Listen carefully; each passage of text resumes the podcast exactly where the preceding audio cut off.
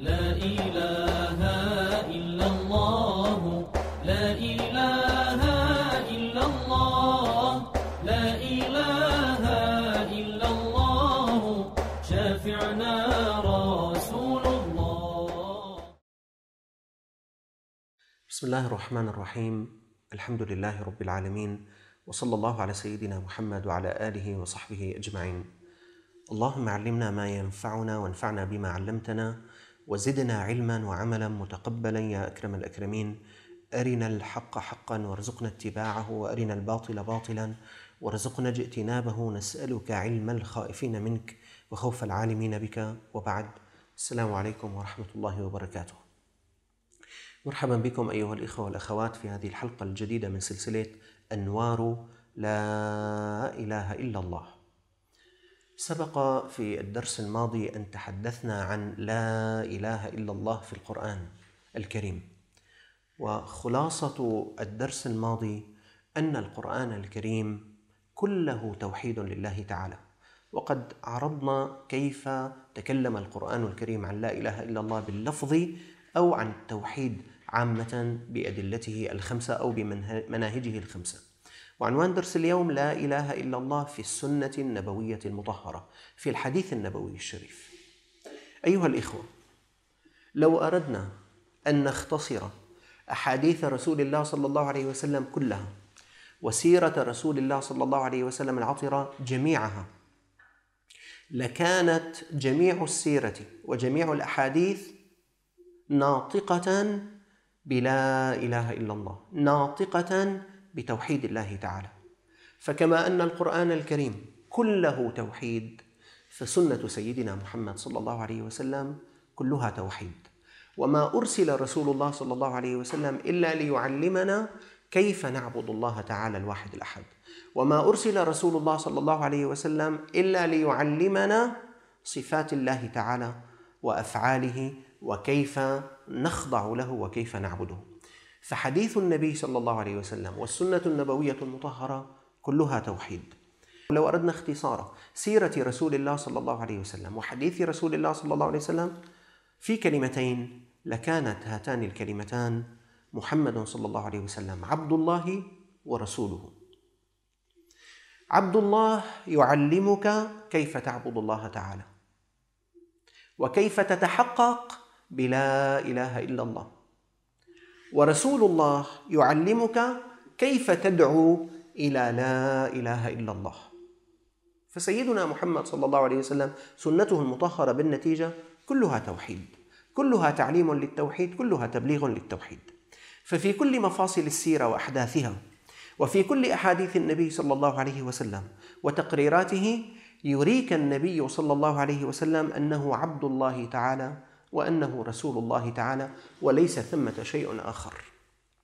فهو صلى الله عليه وسلم يريك لا إله إلا الله قولا وفعلا وحالا وتعليما. يقول لا إله إلا الله ويعلمك كيف تلتزم بأوامر لا إله إلا الله ويدربك كيف تمتثل للا إله إلا الله ويعلمك كيف تبلغ لا إله إلا الله. قولا وفعلا وحالا وتعليما. وتعالوا أيها الإخوة نطلع على أشياء مما تعرفونها بس هي ذكرى لنشاهد كيف كانت السيرة وكيف كانت الأحاديث تعليما للتوحيد وللا إله إلا الله. فالنبي صلى الله عليه وسلم يريك آثار عبوديته لله تعالى فهو يأتمر بأمر الله وينتهي عن نهي الله ويتكلم حين يأمره الله ويصمت إن أمره الله بالصمت يرضى برضاه ويسخط بسخطه يعطي إذا طلب إليه العطاء ويمنع إذا طلب إليه المنع. حاله مع خالقه حال العبد مع سيده. العبد وما ملكت يداه لسيده. في السنة الثامنة للهجرة كان النبي صلى الله عليه وسلم يستعد لفتح مكة. تذكرون الآن بإمكانكم أن تتصوروا تصورا سريعا وتتخيلوا عندما نزلت اقرأ على النبي صلى الله عليه وسلم في مكة وكيف أن قومه واجهوه وكيف أنه اجتهد في دعوة الناس بالسر ثم دعوة الناس في العلن وكيف أن المشركين كيف أن المشركين نصبوا له الأفخاخ وهيأوا له أشياء يريدون أن يصدوه عن دعوته وهو ثابت في دعوته. والله يا عم لو وضعوا الشمس في يميني والقمر في يساري على أن أترك هذا الأمر ما تركته حتى يظهره الله. أو أهلك دونه ويستمر العداء وتستمر الدعوة ويحاصر المشركون النبي صلى الله عليه وسلم في شعب أبي طالب وبعد الخروج من الشعب يبقون على عدائه ويريدون صده عن دعوته في لا إله إلا الله ثم إنهم يقرروا إخراجه من المدينة ويجتمع أناس حول بيته يريدون قتله ويأتي جبريل ليخبره ويهاجر من مكة إلى المدينة. ثم في المدينة المنورة تتبعه قريش وتلم له العرب فتكون غزوة بدر وأحد والخندق وهكذا والنبي صلى الله عليه وسلم صابر على لا إله إلا الله. واليوم في السنة الثامنة للهجرة يستعد النبي صلى الله عليه وسلم لفتح مكة. ويأتي في العاشر من رمضان منطلقا بجيش لم ترى العرب مثله. عشرة آلاف مقاتل. والنبي صلى الله عليه وسلم يريد أن لا تراق الدماء. ويدخل النبي صلى الله عليه وسلم مكة فاتحا. وقريش كلها خرج المشركون إلى الجبال ينظرون ماذا سيحدث الآن. وبعضهم بقوا في مكة المشرفة. وفي الكعبة يوجد أصنام وحولها يوجد أصنام. والآن يدخل رسول الله صلى الله عليه وسلم النبي الفاتح والقائد المظفر والمعلم المحبوب متربعا على عرش القلوب وعلى عرش السيادة والملك. يدخل الآن رسول الله صلى الله عليه وسلم فاتحا مكة. ما معنى فاتحا مكة؟ سيفتح أشرف بقعة على وجه الأرض والناس كلها تنظر إليه والعيون كلها تترقبه والقلوب كلها تهفو إليه. تذكرون كيف دخل رسول الله صلى الله عليه وسلم إلى مكة؟ في لحظة الانتصار في لحظة العز في لحظة الرفعة في لحظة الشموخ. لقد دخل رسول الله صلى الله عليه وسلم على ناقته القصواء وإن جبينه يكاد يمس برحله. يعني خفض رأسه خفض رأسه خفض رأسه يكاد الجبين التصق بالرحل. صلى الله عليه وسلم. تقول كتب السيرة دخل رسول الله صلى الله عليه وسلم مكة بكرة يوم الجمعة لعشر ليال بقين من رمضان وهو راكب على ناقته القصواء. مردفا أسامة بن زيد خلفه رضي الله تعالى عنه. واضعا رأسه الشريف على رحله تواضعا لله تعالى حين رأى ما أكرمه الله به من الفتح حتى إن عثنونه لحيته لا يكاد يمس واسطة الرحل. وهو يقرأ سورة الفتح يرجع فيها صوته يردد آياتها. إنا فتحنا لك فتحا مبينا. أنا ما فتحت شيئا يا عباد. يا ناس يا قوم أنا مثلكم عبد الذي فتح لي هذا الفتح المبين إنما هو الله وحده لا إله إلا الله. إنا فتحنا لك فتحا مبينا ليغفر لك الله ما تقدم من ذنبك وما تأخر ويتم نعمته عليك ويهديك صراطا مستقيما وينصرك الله نصرا عزيزا. هذه الصورة صورة رسول الله صلى الله عليه وسلم عندما دخل مكة بهذا الانكسار وهذا الافتقار وهذا التواضع يخبرك من خلالها أن لا إله إلا الله. يعلمك أنه إذا حدثت لك نعمة فينبغي عليك أن تقابلها بالشكر وبالتواضع لله تعالى. يعلمك أنك إذا نجحت في شهادة عالية فاحذر أن تقيم حفلة ماجنة. ولكن قم بحفلة عبادة تسجد بها بين يدي ربك تشكره. يعلمك أنك إذا نلت منصبا جديدا احذر أن تتباهى على الخلق أو أن تتكبر على العباد أو أن ترى نفسك فوقهم وتذكر أنك عبد وأن المعطي هو الله عز وجل ولا إله إلا الله. السيرة كلها حديث النبي صلى الله عليه وسلم كله تدريب لي وتدريب لك أن نتحقق بلا إله إلا الله حالا وأن نتحقق بلا إله إلا الله قالا وأن نتحقق بلا إله إلا الله تعالى افعالا. هذا مشهد مشهد آه، فتح مكة هو مشهد الانتصار.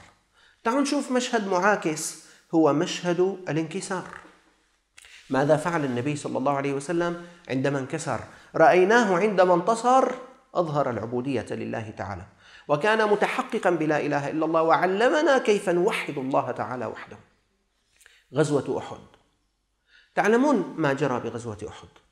تعلمون أن سبعين من صحابة سيدنا محمد صلى الله عليه وسلم استشهدوا في ساعات في ذلك اليوم ما معنى يا أخوان سبعون صحابيا يستشهد خلال ساعات هم أفضل خلق الله تعالى بعد الأنبياء أفضل القرون قرني ثم الذين يلونهم ثم الذين يلونهم سبعون في ساعات رباهم رسول الله صلى الله عليه وسلم على يديه الشريفتين. سبعون شهيدا والجيش كله جرح حتى سمي جيش الجرحى وأشيع بأن النبي صلى الله عليه وسلم قد قتل والنبي صلى الله عليه وسلم قد آه، ردت رجله وسقط في حفرة وكسرت رباعيته وجرحت شفته ودخلت حلقات المغفر في وجهه الشريف. وأشيع بأنه قد قتل ونادى المشركون يومها اعلوا هبل. الله أكبر. غنوا ورقصوا وزبدوا وأرعدوا وحمزة الآن مضرج بدمائه قد قتل واستشهد وقد جاءت هند ولاكت كبده. رضي الله تعالى عنه. والنبي صلى الله عليه وسلم شاهد كل هذه المشاهد. والآن قريش بعد أن غنت ورقصت وزبدت ورعدت أرادت أن تنصرف وانصرفت. وجاء النبي صلى الله عليه وسلم إلى موقع المعركة وشاهد هذه الدماء الطاهرة التي سالت على هذه الأرض ونظر في وجوه أصحابه ورآهم ما بين مجروح ومطعون وتترنم أو وتتردد أعلو هبل في آذانهم كيف؟ وهم من جماعة لا إله إلا الله ماذا ستفعل يا رسول الله؟ قال النبي صلى الله عليه وسلم لأصحابه في تلك اللحظة استووا ورائي فإني أريد أن أثني على ربي. الله أكبر يا أخوان. استووا ورائي فإني أريد أن أثني على ربي. أريد أن أمدح الله. كيف كيف؟ تمدحه على ماذا وهؤلاء الشهداء وهؤلاء الجرحى وهذا الكلام الذي قالته قريش وهذه المواقف. أنا عبد. يقول لكل الدنيا يعلمنا كيف نكون من جماعة لا إله إلا الله. أنا عبد لله وسيدي أراد أن أرتفع فارتفعت وأراد أن أنخفض فانخفضت وأراد أن يعطي فأعطاني وأراد أن يمنعني فمنعني. هو الله وأنا عبده هو السيد وأنا عبده. لا إله إلا هو لا إله إلا الله. استووا ورائي فإني أريد أن أثني على ربي. يا ترى يا إخوان إذا واحدنا أصيب ببلاء إذا أصيب بشدة. نحن نسأل الله عز وجل في هذا البلاء وفي هذه الشدة أن يرفع عنا ما نزل بنا. لكن إذا نزلت بك شدة ماذا تفعل؟ كن عبدا لله تعالى في العسر كما كنت له عبدا في اليسر. وهو جل جلاله يريد أن يختبرنا في عسرنا ويريد أن يختبرنا في يسرنا.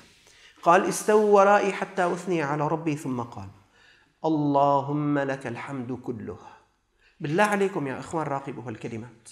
اللهم لك الحمد كله يحمد الله عز وجل في أضيق حالاته وفي أصعب أحواله وفي أحسن لحظاته. اللهم لك الحمد كله. اللهم لا قابض لما بسطت ولا باسط لما قضيت ولا هادي لما أضللت ولا مضل لمن هديت ولا معطي لما منعت ولا مانع لما أعطيت. ولا مقرب لما باعدت ولا مباعد لما قربت. اللهم ابسط علينا من بركاتك ورحمتك وفضلك ورزقك في مناجاة طويلة. لماذا هذا الموقف؟ ليقول لنا النبي صلى الله عليه وسلم إنه عبد وإن الله هو الواحد الفعال.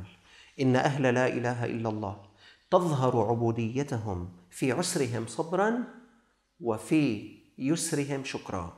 ورسول الله صلى الله عليه وسلم خير من عبد الله تعالى وخير من وحده. إن أتقاكم وأعلمكم بالله تعالى أنا. هكذا أيها الإخوة عرضت لكم شيء عرضت شيئا من أحوال رسول الله صلى الله عليه وسلم. وإلا فإن سيرة رسول الله صلى الله عليه وسلم كلها وإن حديث رسول الله صلى الله عليه وسلم كله يحدثك أن لا إله إلا الله.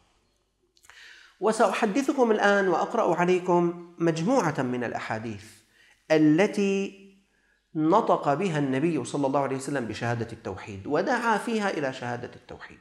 وهي أحاديث كثيرة كثيرة جدا غير أني اخترت لكم بعضا منها. روى الإمام مسلم في صحيحه بسنده عن أبي هريرة رضي الله تعالى عنه قال قال رسول الله صلى الله عليه وسلم الإيمان بضع وسبعون وفي رواية بضع وستون شعبة. فأفضلها قول لا إله إلا الله وأدناها إماطة الأذى عن الطريق والحياء من الإيمان. روى مسلم عن جابر رضي الله تعالى عنه قال قال رسول الله صلى الله عليه وسلم ثنتان موجبتان.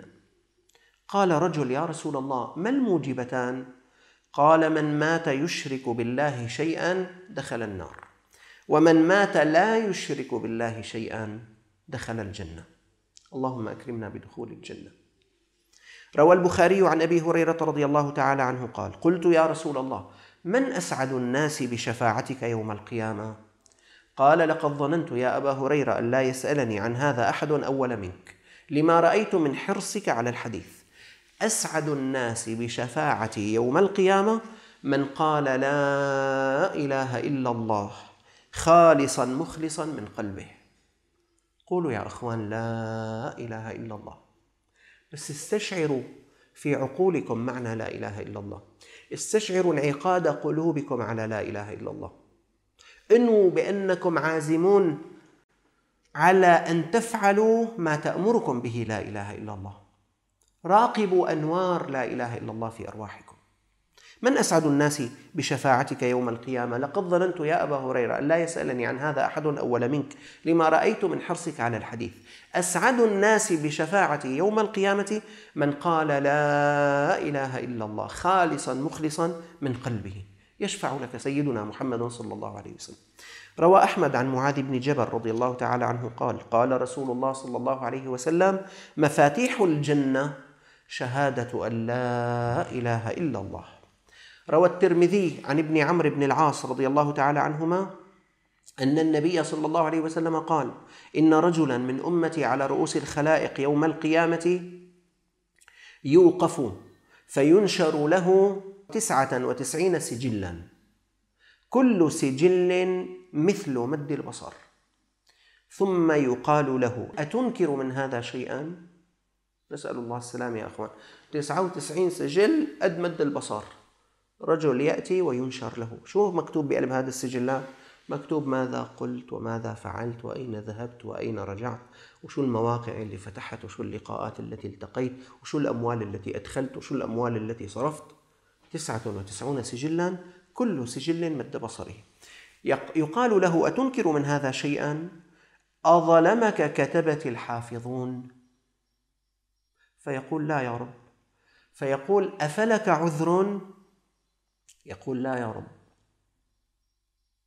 فيقول الله تعالى بلى. إن لك عندنا حسنة فإنه لا ظلم عليك اليوم. أنت لك عندي حسنة. قال فيخرج له بطاقة. كرت. فيها أشهد أن لا إله إلا الله وأشهد أن محمدا عبده ورسوله. ثم يقال له احضر وزنك فيقول يا رب ما هذه البطاقة مع هذه السجلات؟ هون 99 سجل كل واحد مد البصر بده ينحط بكفه وبعيد من هون كلها سيئات وهون بطاقة كرت لا إله إلا الله محمد رسول الله. قال فإنك لا تظلم. بدك تحضر الوزن. فتوضع السجلات في كفة والبطاقة في كفة فطاشت السجلات وثقلت البطاقة ولا يثقل مع اسم الله تعالى شيء. الحديث عند الإمام الترمذي. هذا يا أخوان لا إله إلا الله صحيح هي لفظة باللسان لكن لها انعكاسات بالسلوك. لكن هي اعتقاد جازم في القلب لكن هي فهم في العقل لكن هي نور في الروح. لا إله إلا الله بحقيقتها ستنجيك بإذن الله تعالى. روى البخاري ومسلم عن أبي أيوب رضي الله تعالى عنه قال قال رسول الله صلى الله عليه وسلم من قال لا إله إلا الله وحده لا شريك له له الملك وله الحمد وهو على كل شيء قدير عشرا كانت له عدل أربع رقاب من ولد إسماعيل كأنه أعتق أربعة من ولد إسماعيل. لذلك نحن بعد صلاة الفجر وبعد صلاة المغرب عندنا أوراد الصباح والمساء نقرأ فيها عشر مرات. لا إله إلا الله وحده لا شريك له له الملك وله الحمد يحيي ويميت وهو على كل شيء قدير. روى أحمد عن عثمان بن عفان رضي الله تعالى عنه قال سمعت رسول الله صلى الله عليه وسلم أنه قال إني لا أعلم كلمة لا يقولها عبد حقا من قلبه إلا حرم على النار. قال عمر بن الخطاب ألا أحدثك ما هي؟ هي كلمة الإخلاص التي ألزمها الله تبارك وتعالى محمدا صلى الله عليه وسلم وأصحابه وهي كلمة التقوى التي أراد عليها النبي صلى الله عليه وسلم عمه أبا طالب عند الموت شهادة أن لا إله إلا الله.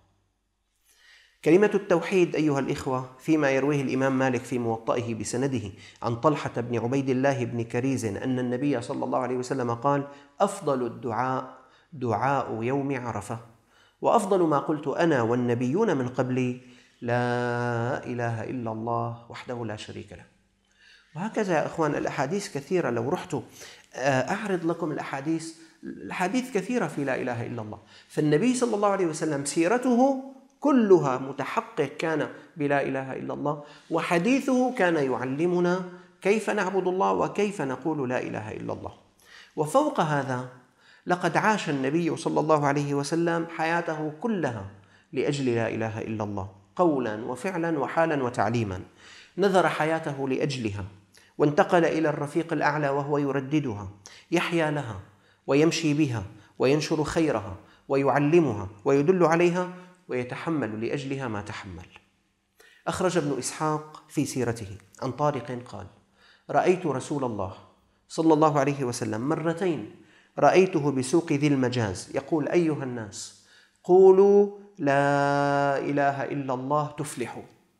هيك يا أخوان النبي صلى الله عليه وسلم يمشي بين الناس يقول قولوا لا إله إلا الله تفلحوا. قال ورجل يتبعه يرميه بالحجارة.